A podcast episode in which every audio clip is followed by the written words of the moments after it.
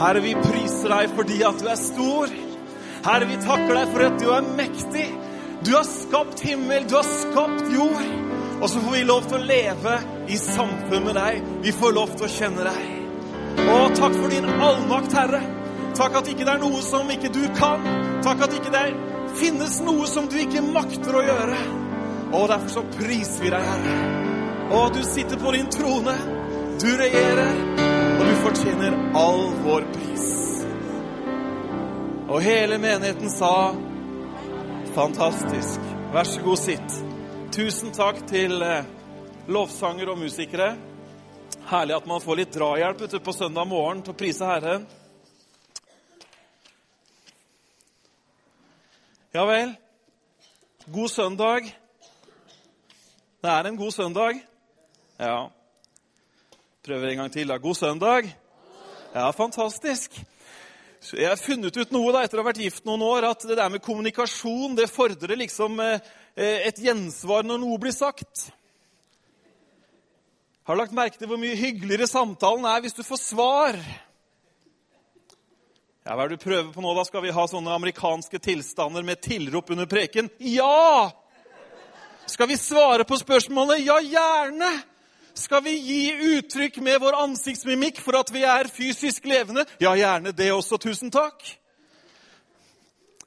Nei, du skal få lov til å være der sjøl, men det hender jo at man får lyst til å rykke litt på øya av begeistring eller tenke at det der var jammen ikke så verst sagt osv. Da, er da er det helt greit.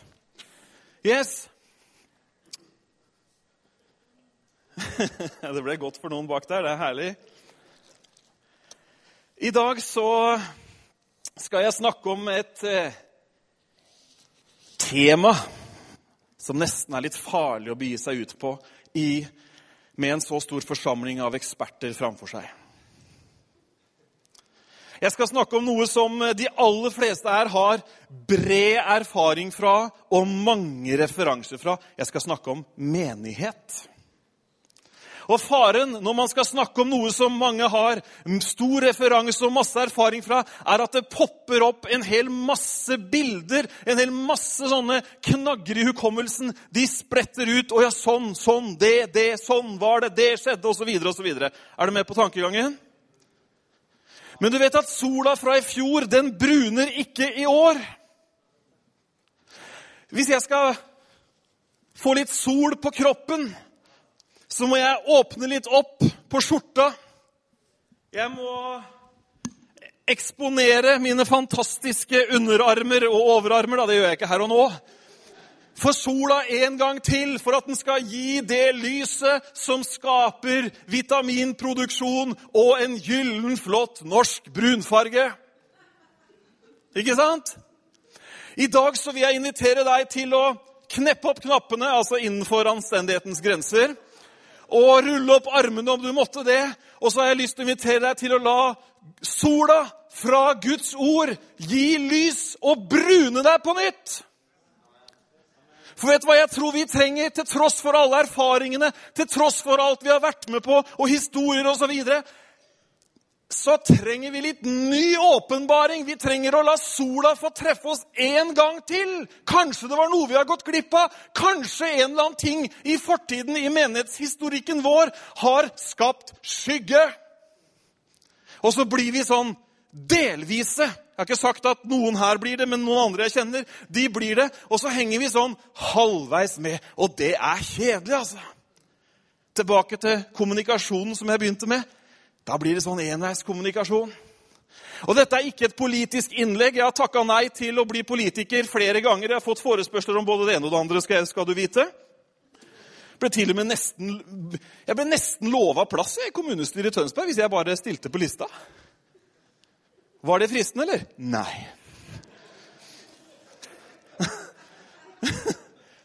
altså, det, altså, All respekt for kommunalpolitikere, det er jo dere som bestemmer. Så for all del. Det er ikke det, men poenget med at jeg sier at dette er ikke noe politisk innlegg for menighet. ok? Jeg skal dele noe av det Guds ord sier om menighet, og så garanterer jeg at du kommer til å bli litt inspirert. Si til naboen du kommer til å bli kjempeinspirert. Ja, fantastisk. Du skjønner at det, det er noe med Guds menighet som er utrolig fascinerende. Vet du at Starten var altså så eksplosjonsarta når menigheten ble født, at det har ennå ikke lyktes noen lærde mennesker å forklare hvordan det kunne skje. Sosiologene de har prøvd å forklare hvordan dette rent som et fenomen i befolkningen kunne få den veksten. Det, det går ikke. Det, er helt umulig. Så fort som Guds menighet øh, vokste. Psykologien har prøvd å forklare det med ulike fenomen. Det nytter ikke. altså alle disse her de kan ikke forklare den fantastiske starten og veksten som Guds menighet hadde, hvor tusen på tusen ble lagt til i et samfunn hvor kommunikasjon verken på sykkel eller esel eller Internett var veldig utbygd. Men likevel så skjedde det noe. Og vet du hva? Jeg tror faktisk ikke at du og jeg er skapt for å leve i 2013 for å sitte å lese de gamle historiene, koke suppe på gamle beinrester og slingser for å få litt mer smak ut av de greiene her. Jeg tror ikke det er ment sånn i det hele tatt. Jeg tror virkelig at det er sant, det som Guds ord sier, at hans navn det skal stråle, det skal stråle, hans lys skal bli sterkere. Og jeg tror at vi lever i menighetens tidsalder mer enn noen annen gang. To amen, takk. Vi prøver en gang til. Jeg tror faktisk at vi lever i menighetens tidsalder mer enn noen gang. Ja, men det er så vanskelig, Bent Ove. Vi konkurrerer med reklame nå. Internett. Og du skulle bare vite hva ungdommene utsettes for. Ja, vet du hva? Jeg har sånn tillit til Gud at hvis han skapte meg for å være den jeg er i 2013, så var det ikke for at jeg skulle leve et mislykka liv hvor ingen av hans løfter funka. Snarere tvert imot så tror jeg han vil at jeg skulle være Hva er jeg for noe nå? Jeg blir, jeg blir 40 over sommeren. Og jeg tror at Magnar skulle være 55, og jeg tror at noen andre skulle være Altså, Jeg tror vi skulle være de vi er nå, fordi vi hadde et oppdrag. Fordi det var bruk for oss. Altså, Museer er fantastisk, men inntil en viss grense. Og historiefaget, Are, det er fantastisk interessant, men du verden inntil en viss grense. Historiefaget er bare interessant når, det, når du vender speilet og drar visdommen over i nåtiden og skaper framtid. Ikke sant? Sånn er det. Yes. Du skjønner at Den første menigheten den var ikke liten, unnskyldende og ynkelig. Nei, den var sterk og voksende. Det var umulig å forsøke å begrense den veksten. Folk ble frelst. Evangeliet ble forkynt, folket fikk høre. Og de som fikk høre, de tok imot. De ga ikke bare sin tilslutning til et godt regissert budskap. Nei, de tok imot, og de lot seg døpe som bevis på at de hadde tatt imot dette. Og så ble de lagt til forsamlingen. Ikke sånn der stikk stortå uti, og dette var jo hyggelig å være innom hos dere en gang hver måned. Nei, de kasta seg i det, og så videre og så videre. Og så leser vi om at det var et fantastisk fellesskap. Og veldig, veldig, veldig mye bra. Jesus sa noe til disiplene sine før han forlot åstedet. Vi har akkurat minnes at han døde, at han oppsto igjen, at han lever. Han sa noe til Peter. Han sa det at på deg, Peter, som for øvrig betyr klippe, vil jeg bygge min menighet. Og så fortsatte han, å si noe om hvordan den menigheten skulle være. Og Dødsriket skal ikke kunne stå seg mot den menigheten, sa Jesus. Da begynner vi å snakke om noe kraftig. Da begynner vi å snakke om noe mektig. Hva er menneskets ultimate fiende? Hvis vi ser litt sånn stort på det. Når er det alle mennesker må melde pass? Jo, det er ved livets slutt, det, når døden kommer. Der er vi maktesløse. Vi har kommet langt i alle mulige medisinske hjelpemidler og behandlingsformer osv., og, så videre, og det er vi kjempetakknemlige for. Men løftet til menigheten var at selv ikke døden, når den kommer, kommer til å få makt over dere. Og døden prøvde seg, folkens. Keiser Nero forfulgte den første menighet og slakta de kristne ned. Når Paulus skriver til sin følgesvenn Timoteus, så skriver han til en ung menighetsleder som har dødstruslene rundt ørene nesten hver bidige dag. Han visste får han tak i meg, så er jeg ferdig. Hva skjedde? Menigheten vokste.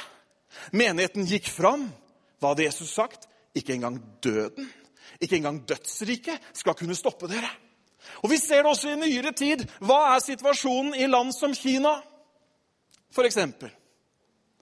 Jo, menigheten møter enorm motstand. Hva skjer? Menigheten vinner og vokser. Halleluja. Jeg syns innledningen var ganske bra, faktisk. Nå skal vi ta punkt én. Det er ikke noe der ennå? Nei? Hvorfor finnes menigheten ennå? For å nå de som ennå ikke tror. Hvorfor holder vi på? Jo, fordi vi har et ønske om å nå de menneskene som ennå ikke har fått høre de fantastiske nyhetene om Jesus. Hvorfor har vi lederteam, som det har vært snakk om her? Hvorfor har vi ulike virkegrener? Hvorfor har man eh, opplegg for barn, opplegg for unge? Man arrangerer leire, man jobber. Det er jo mange mennesker i Norges land som, som står på. Jo, det er jo for at de som ennå ikke har hørt, skal få høre.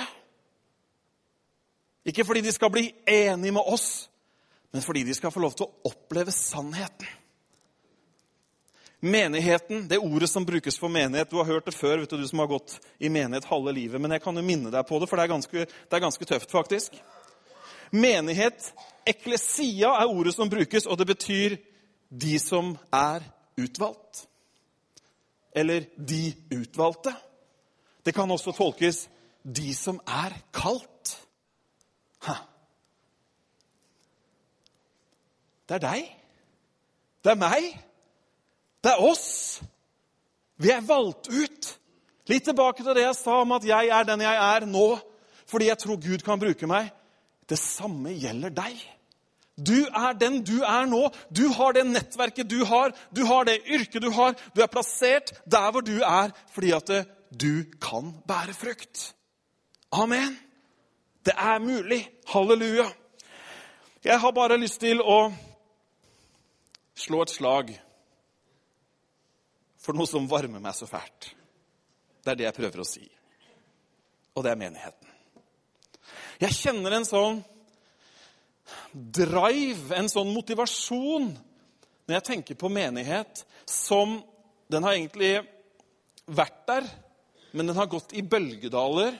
Og til tross for at jeg har sett, og det har du også sett Vi har sett Skal vi si alt vi har sett? Nei, vi tar ikke alt. Da blir vi deprimert.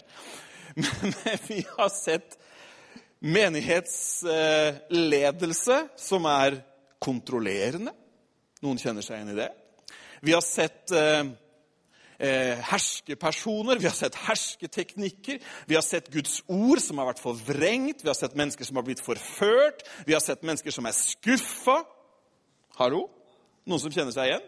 Vi må jo være ærlig, for nå skal neste punkt handle om sannhet. så nå må vi være litt ærlige. Hallo, ikke sant? Ting som ikke ble som det skulle bli. Noen som har vært litt overfrimodig på, på tall. Det er jo mulig at det hadde vært en suksess å arrangert matematikkurs for tjenere i Guds rike.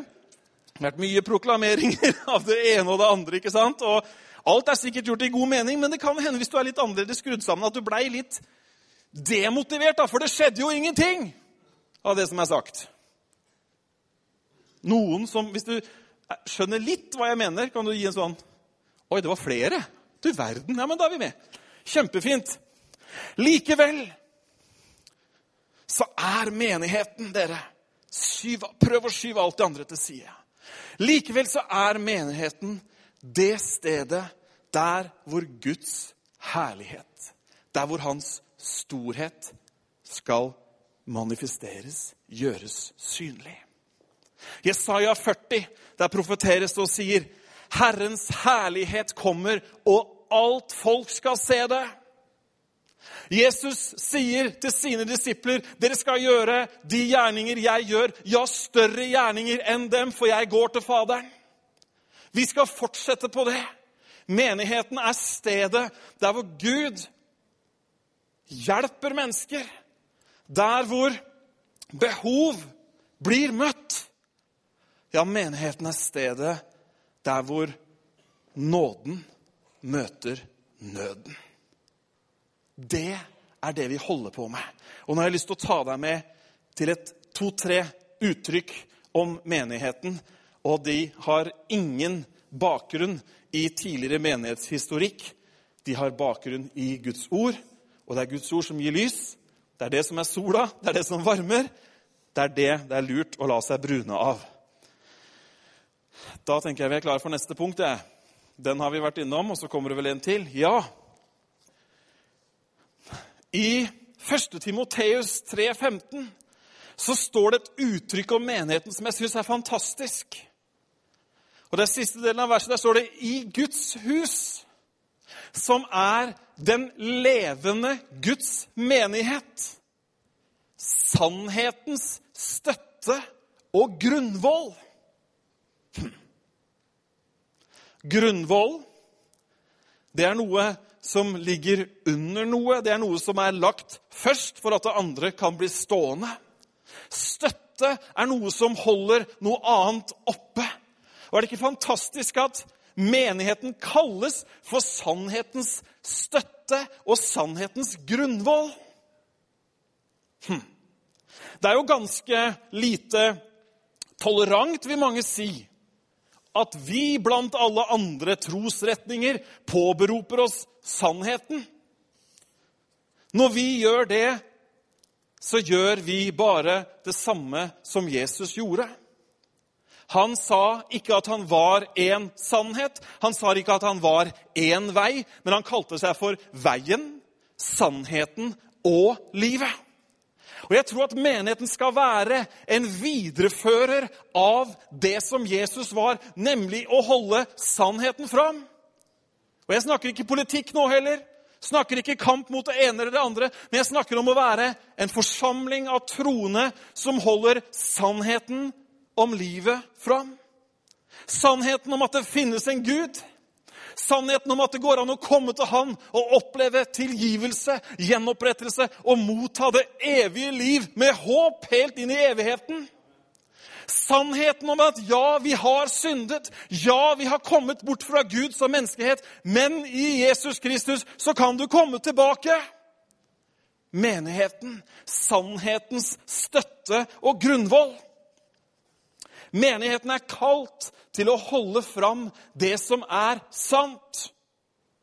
Og jeg tror det er en forskjell i faktisk en by og i et samfunn. Og det er, en, det er et interessant tankeeksperiment. Hva om alle evangelisk troende, eh, herlige menigheter i Tønsberg og omegn ble tatt bort? Ville det utgjøre en forskjell? Jeg skal ikke svare på det. Men min tanke rundt det er i hvert fall at jeg håper det. Derfor er det en forskjell også i de samfunn Vi ser det helt inn i samfunnsstrukturene på de land som er, hvor, hvor kristenheten står sterkt, og hvor den ikke gjør det. Hvorfor? Jo, fordi at menigheten er sannhetens støtte og grunnvoll. La det synke litt inn. Midt oppi alle versjoner som serveres, midt oppi alle livsanskuelser man måtte komme over, midt oppi all type filosofi osv., så, videre, så sier Guds ord at menigheten den er grunnvollen for sannheten. Og den er den som holder sannheten oppe. Det er herlig. Jeg er med i Sannhetens støtte og grunnvoll. Hva skal du på søndag? Skal på møte. Det er, sannheten, sannheten, det er grunnvollen for sannheten. Ja, hva driver de med? Nei, løfter opp sannheten. Ok. Er sant? Ja vel, er det noe som er sant? Er ikke alt bare relativt? Nei, alt er ikke bare relativt.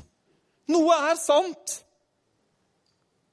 Det er i hvert fall det som stråler fra denne boka. Yes. Ok, henger du med? Skal få se et bilde. Lyst til å introdusere deg for Mike the Headless Chicken. Dette er en kylling uten hode. Vi tar en kort gjettekonkurranse. Hvor lenge etter at hodet er av, lever en kylling? Er det ingen bønder her? Fem år? Ja vel. Han har ikke slakta mye, i hvert fall. Når vi skjøt strutsen, så tok det ikke mange sekunder før han var død. Men det er en større kylling. Hva sier du, Are, som er født og oppvokst i dette landskapet? Flaksa litt, men er egentlig døde med en gang. ja. I 1947 så var det en herremann ved navn Lloyd Olsen. Jeg tror han var fra Ramnes Telefon. Nei, det vet jeg ikke, men han het i hvert fall Olsen.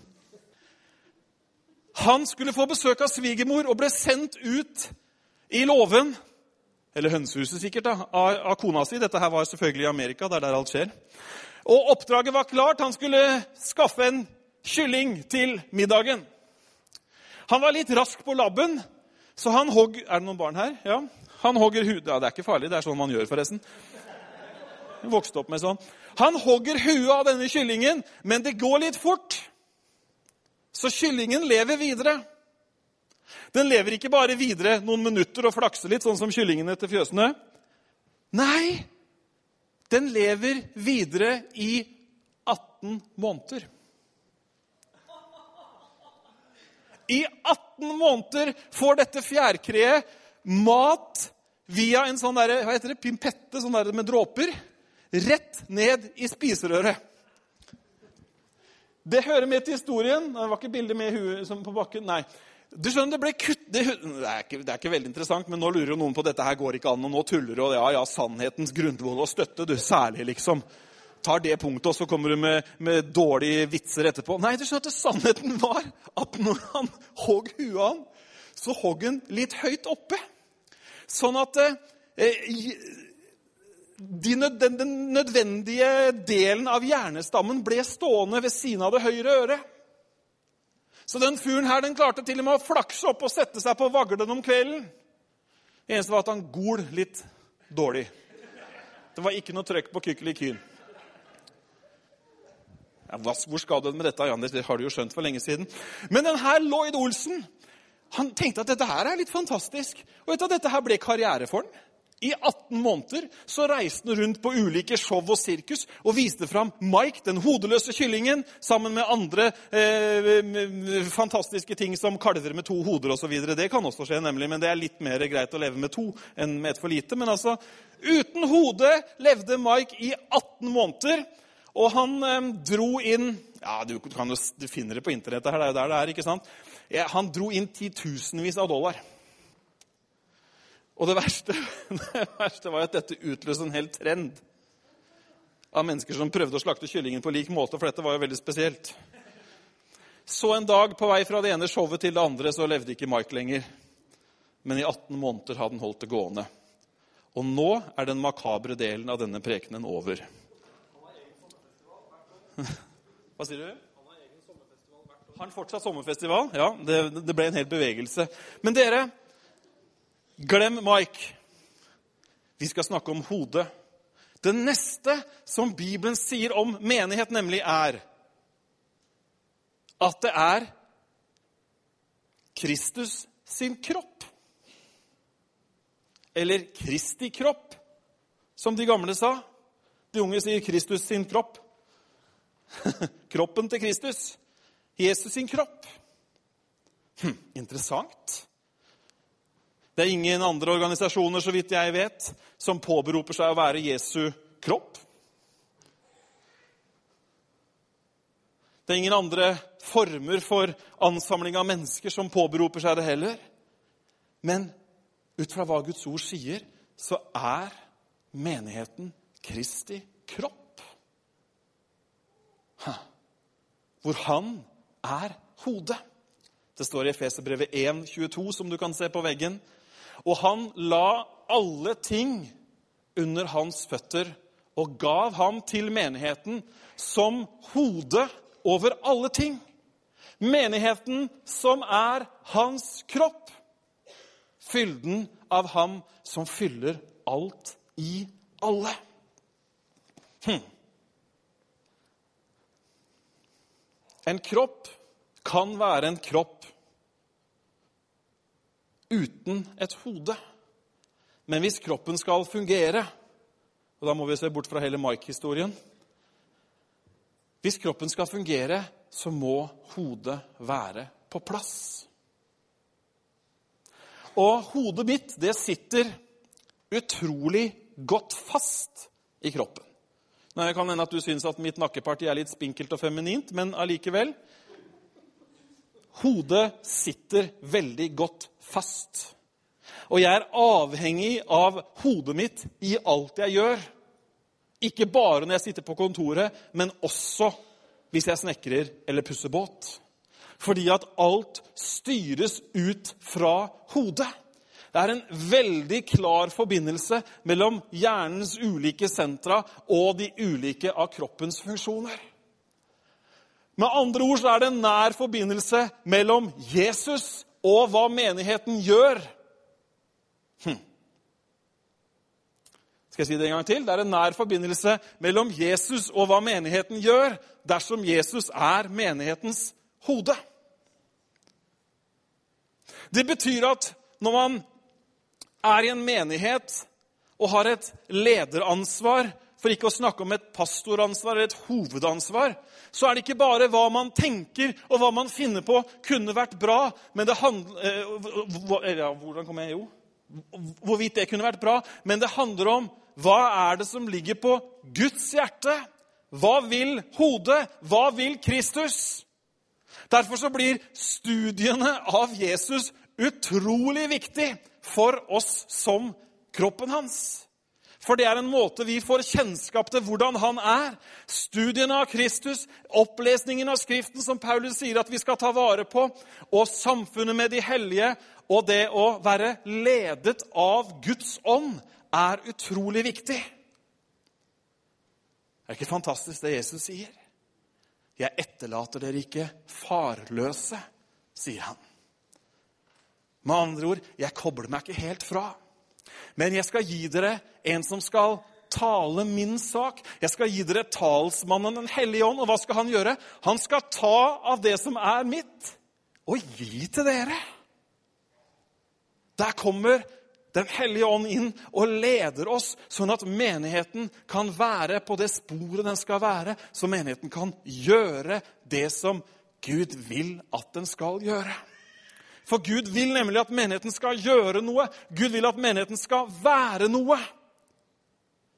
Gud er ikke tilfreds dersom hans menighet bare var navn på en liste i en protokoll. Nei, Gud han vil at menigheten skal være hans kropp, hans armer, som gjør noe. Gode gjerninger. Det er bra. Det må vi ha. Nei, det syns ingen. Jo, det må vi. Absolutt. Når vi har opplevd Jesus som vi har gjort, så skulle, vi, så skulle, det være kø hver gang det var en mulighet til å gjøre noen gode gjerninger. Fordi vi har opplevd så mye godt sjøl. Ja, men man blir ikke frelst av gjerninger. Nei, det har ikke jeg sagt heller. Jeg bare sier at når du blir frelst, så blir det noen gode gjerninger.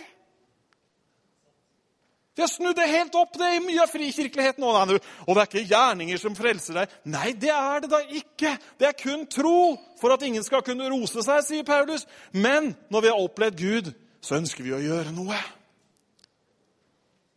Se på livet til Jesus. Vi har jo sett hvordan Jesu kropp skal være, vi. Hallo? Han har gitt oss et eksempel til etterfølgelse.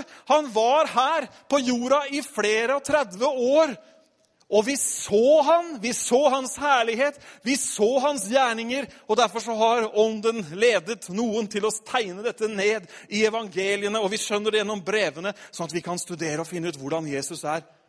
For sånn er, skal kroppen hans være fortsatt. Amen. Jeg tror på en menighet som bryr seg. Jeg snakka om det for noen søndager siden. Jeg tror på en menighet som ikke bare holder troen sin privat og er salig hver søndag mellom tolv og ett, men en menighet som har åpne dører. Det betyr ikke at man skal godta alt. Nei da, vi er jo sannhetens støtte og grunnvoll. Men jeg tror på en menighet som strekker seg ut, og som lever for noe som er større enn seg sjøl. Når vi lever bare for oss sjøl, da har vi ikke tid til noe som helst. Men når vi lever for noe som er større for oss sjøl, da lever vi mindre for oss selv og få mer tid til å gjøre det som er for det større. Ikke sant? Kristi kropp, Kristus sin, sitt legeme, om du vil. Du skjønner at eh, vi som troende, vi har virkelig fått oppleve noe som er ganske så spesielt. Du skal få tre raske her. Er du klar for tre raske fra hebreerbrevet? Sier noe, litt, sier noe litt interessant om troende personer. I kapittel 6 og vers 4 så står det om noen som har, har vært troende, da, eller også om de som er troende, som har, de har blitt opplyst. Hm. Her brukes det altså en beskrivelse på det å være troende som at vi har blitt opplyst. Ja, men da var det noen som ble opplyst før opplysningstiden også, da. Så herlig da, at det var noen opplyste før det. Jaha, vi har blitt opplyst. Du verden, du er opplyst. Det er hakket før du kan kalle det et eller annet sikkert også. Og så står det at vi har smakt den himmelske gave. Ha. Fått en berøring av Gud. Kjent hans tilgivende kraft kjent hans kjærlige armer. Og så står det at vi har fått del i Den hellige ånd. Dette beskriver oss, vi som er Kristi kropp, vi som har tatt imot Jesus. Det er litt sånn store tanker, er det ikke det? Jeg Del av Kristi kropp. Jeg, en som viderefører Jesu gjerninger. Hm. Jeg som en representant for Guds rike. Jeg som en som ber for sjuke. Jeg som en som er satt til å regjere, til å herske over situasjoner.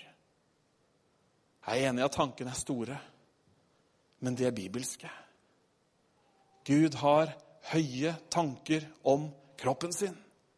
Gud har høye tanker om deg. Gud ønsker å bruke deg. Gud ønsker at det lemmet, den kroppsdelen du måtte representere for å holde meg til det bildet, han ønsker at det skal være i funksjon. Det er så utrolig mange behov i menneskers liv, de menneskene som er bare rundt oss. Det er så utrolig mange ting som kunne ha vært gjort for å bedre livsoppholdet for noen og for å hjelpe andre ut av store problemer. Og jeg tenker at Gud, han tenker at ja, men det er jo et håp. Jeg har jo kroppen min i funksjon. Det finnes jo noen som jeg har utvalgt, det finnes jo noen som jeg har kalt, det finnes jo noen som jeg har utrusta med mange ulike talenter og gaver. De kan jo gjøre det! Og vet dere hva, folkens? Dere vet det sikkert òg, for dere er jo blant de opplyste. Men i mange andre deler av verden så er det så full fart og framgang for evangeliets skyld at jeg nesten blir sånn misunnelig på en god måte, som en kamerat av meg sa. Jeg er misunnelig på en god måte. Så vi kan koble oss på. Du og jeg, vi kan være med. Vi trenger ikke å sitte som en eller annen lam kroppsdel og være ute av funksjon. Nei, vi har fått del i det samme, og vi kan faktisk være med. Amen. Sist, men ikke minst Vet dere ikke at dere er Guds tempel, og at Guds ånd bor i dere? Hm. Et annet ord som brukes om menigheten, er nemlig det at vi er et tempel. Eh, hvis du har Bibel, så kan du bli med meg til Efeserbrevet. Der står det noe mer om dette.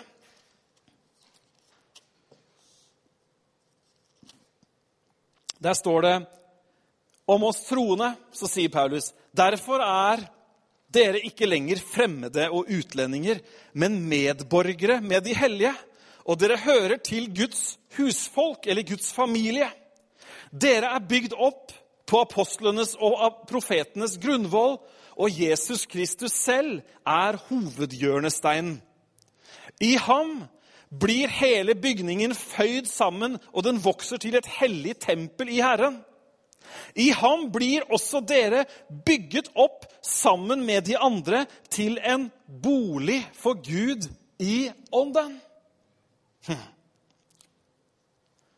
Menighet består av mange mennesker. Og det er sånn at når vi kommer sammen, så blir vi akkurat som byggeelementene i dette bygget her. Da blir vi, bokstav, da, da blir vi i overført betydning så blir vi vegger, gulv, tak, hva som måtte til i ånden, sånn at Gud får et sted å være. Derfor har jeg alltid forventninger når jeg kommer på møte. Noen ganger har jeg mer forventninger enn andre. Jeg har, har sikkert glemt å ha forventninger en gang òg, men eh, Det var noen av de gamle, vet du. og jeg er så glad for noen av de gamle, for de sa, noe, de sa mye bra. altså. Kjære Gud, de sa mye bra. Ja, nei. Der hvor to eller tre er sammen, der er han midt iblant dem. Og når vi kommer sammen, her kan alt skje, var det en som pleide å si. Det er herlig vet du, når du er på onsdagsmøte med syv og en halv pers. Her kan alt skje! ja vel, det sa du forrige uke òg. Det skjedde ikke noe da heller. Men det er jo jammen meg sant, da. For der hvor mennesker, troende mennesker kommer sammen, så blir de sånne levende steiner. Kanskje det er derfor vi skal ha med steiner neste søndag. jeg vet ikke. Men da blir man sånne levende steiner. Skal vi lese om det? Peter snakker om levende steiner. Peter, eh, 1. Peter 2. Hør på det her, da. Når dere, menigheten, oss. Når dere kommer til Han, som er den levende stein, som ble forkastet av mennesker, men er utvalgt av Gud og dyrebar, da blir også dere, som levende steiner, bygd opp til et åndelig hus, et hellig presteskap, til å bære fram åndelige offer som er til behag for Gud ved Jesus Kristus. Litt lenger ned så fortsetter han. vet Du du blir oppmuntra av det her. Du har kanskje følt deg stein tung, stein død. Ja, kanskje til og med bare stein. Det er også et uttrykk. Da er du ganske slag. Men hva sier han? Når vi kommer til han Han heter Den levende stein, han. Fantastisk så blir vi også gjort levende. Og så står det litt lenger ned i samme kapittel, vers 9, så står det men dere er en utvalgt ett. Husker du eklesia, de utvalgte, de som er kalt ut? En utvalgt ett, et kongelig presteskap, et hellig folk, et eiendomsfolk så dere skal forkynne Hans underfulle storverk, Han som kalte dere ut av mørket og inn i sitt underfulle lys. Dere som før ikke var et folk, men som nå er Guds folk. Dere som ikke hadde funnet miskunn, men som nå har fått miskunn. Yes! Menigheten er et tempel. Menigheten er et åndelig hus. Der hvor Gud kan komme. Og der hvor Gud kommer, der skjer det ting. Mennesker blir frelst. Halleluja. Det er herlig, altså. Mennesker får ta, ta imot Jesus. Det er det beste som fins når det skjer. Mennesker får oppleve at de blir helbreda, de blir friske i kroppene sine. Mennesker får oppleve at selvbildet endres. Istedenfor et feilaktig selvbilde så får Guds ord nådd hjertene, og så ser man annerledes på seg sjøl enn det man har gjort. Dere, vi må ikke fnyse av menighet. Vi må ikke forakte den ordningen som Gud faktisk har innstifta at vi skal være. Nei, la deg heller inspirere, la deg heller invitere. Du er med på noe stort. Du er med på noe stort. Ja, men jeg er litt sliten nå, jeg er litt trøtt nå. Det er helt greit. Kom allikevel. Er ikke det en sånn der sang i gymtimen? da? Kom allikevel. Alle mine duer kom hjem fra fjellet osv. Kommer sånne sangstrofer inn. La deg invitere. La deg inspirere. Bli med. Ja, men jeg halter. I overført betydning. Det gjør ingenting. Det er bruk for deg. Det er veldig bruk for deg. Og jeg tror virkelig av hele mitt hjerte at vi har det beste framfor oss. Og det sier jeg ikke som en sånn 'Yes, nå er det valg til høsten'-uttrykk. Jeg tror virkelig at Guds menighet har noe for seg i det samfunnet vi lever i. Ikke bare som en samfunnsinstitusjon som kan hjelpe til her og der. Det tror jeg også vi skal være. Vi hadde besøk av ordføreren her i Hjertet for byen eh, for et par uker siden. Og da utfordra menighetslederne i Tønsberg de utfordra Petter Berg helt konkret. De sa er det et område vi kan være med og hjelpe til, så si ifra til oss. Gi oss utfordringen. Det er bra. Er ikke det kjempebra? Ja, takk for Nei da, men det, det, er helt greit. Syns du det ikke er bra, så det er jo fritt land, så for all del. Det var ganske dårlig, sikkert. Jeg syns det var bra, jeg. Men da er vi, da er vi enige, uenige der. Det er jo én ting. En annen ting, dere, når det gjelder menighetens framtid. Behovene som mennesket har hatt gjennom alle tider, de har ikke forsvunnet. Vi har hatt en haug av revolusjoner. Vi har hatt opplysningstid, og vi har hatt eh, det ene og det andre. Men vet du hva? Menneskenes grunnleggende behov er fortsatt ikke løst. Det er fortsatt ikke et politisk parti eller en politisk bevegelse som tilbyr frihet fra din fortid som tilbyr nytt håp for framtiden. Ja, det er det noen som prøver seg på, da, men det vet vi at det holder jo bare eventuelt til neste valg. Det er fortsatt ikke en menneskelig ordning som tilbyr tilgivelse for synd. Som tilbyr at steinhjertet, som Bibelen sier, kan byttes ut med et mykt kjøtthjerte. Sånn at relasjoner kan bygges opp igjen. Sånn at sår kan leges. Dere, vi trenger menigheten. Sannhetens støtte og grunnvoll som holdes opp, og som blir som et fyrtårn for mennesker. Vi trenger menigheten, Kristi kropp, som fortsetter å vise Kristi sinnelag, vise Kristi holdning. Tenk på hvem Jesus hang med når han var her.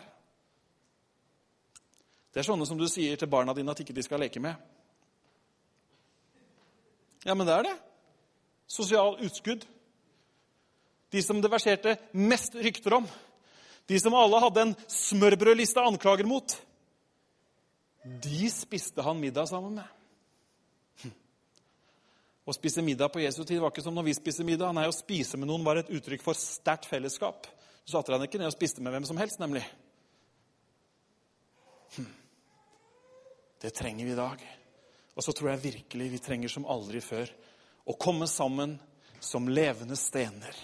Som utgjør en bolig, et hus, en plass der hvor Guds herlighet kan manifesteres. Amen. Amen.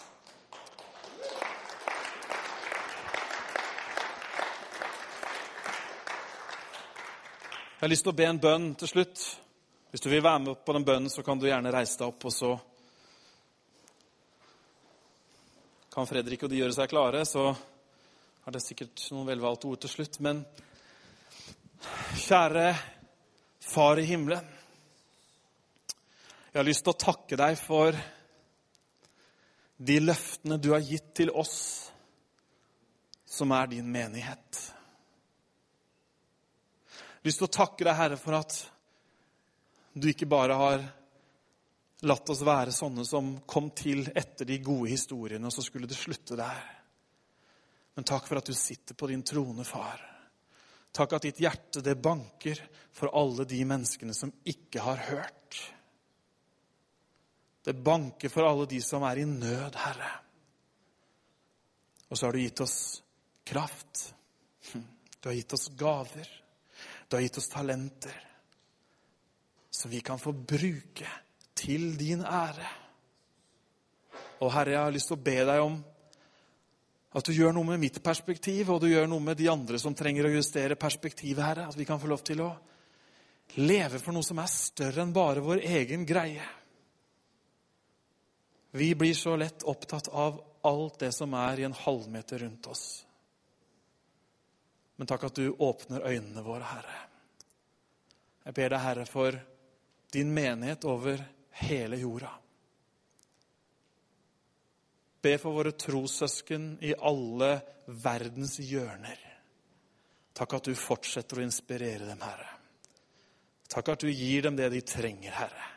De som sitter i fengsel, de som mangler noe, de som opplever stor motstand fordi de tror på deg. Herre, vi løfter dem opp til deg nå. Takker deg, Herre, for at du er med. Amen. Så ber jeg for denne menigheten, Herre. Takk for bykirken i Tønsberg. Gud, jeg ber om at du skal ha din vei med menigheten, og dermed ha din vei med hver og en av oss, Herre. Å, Herre, gjør noe med hjertet vårt hvis det trengs, Herre. Gjør noe med prioriteringene våre hvis det trengs, Herre. Herre, det vi drømmer om, er å se, Herre, at din menighet reiser seg i enda større grad, Herre. Og far, la oss få oppleve, Herre, den her ånd, det her åndelige huset for din herlighet bare senker seg.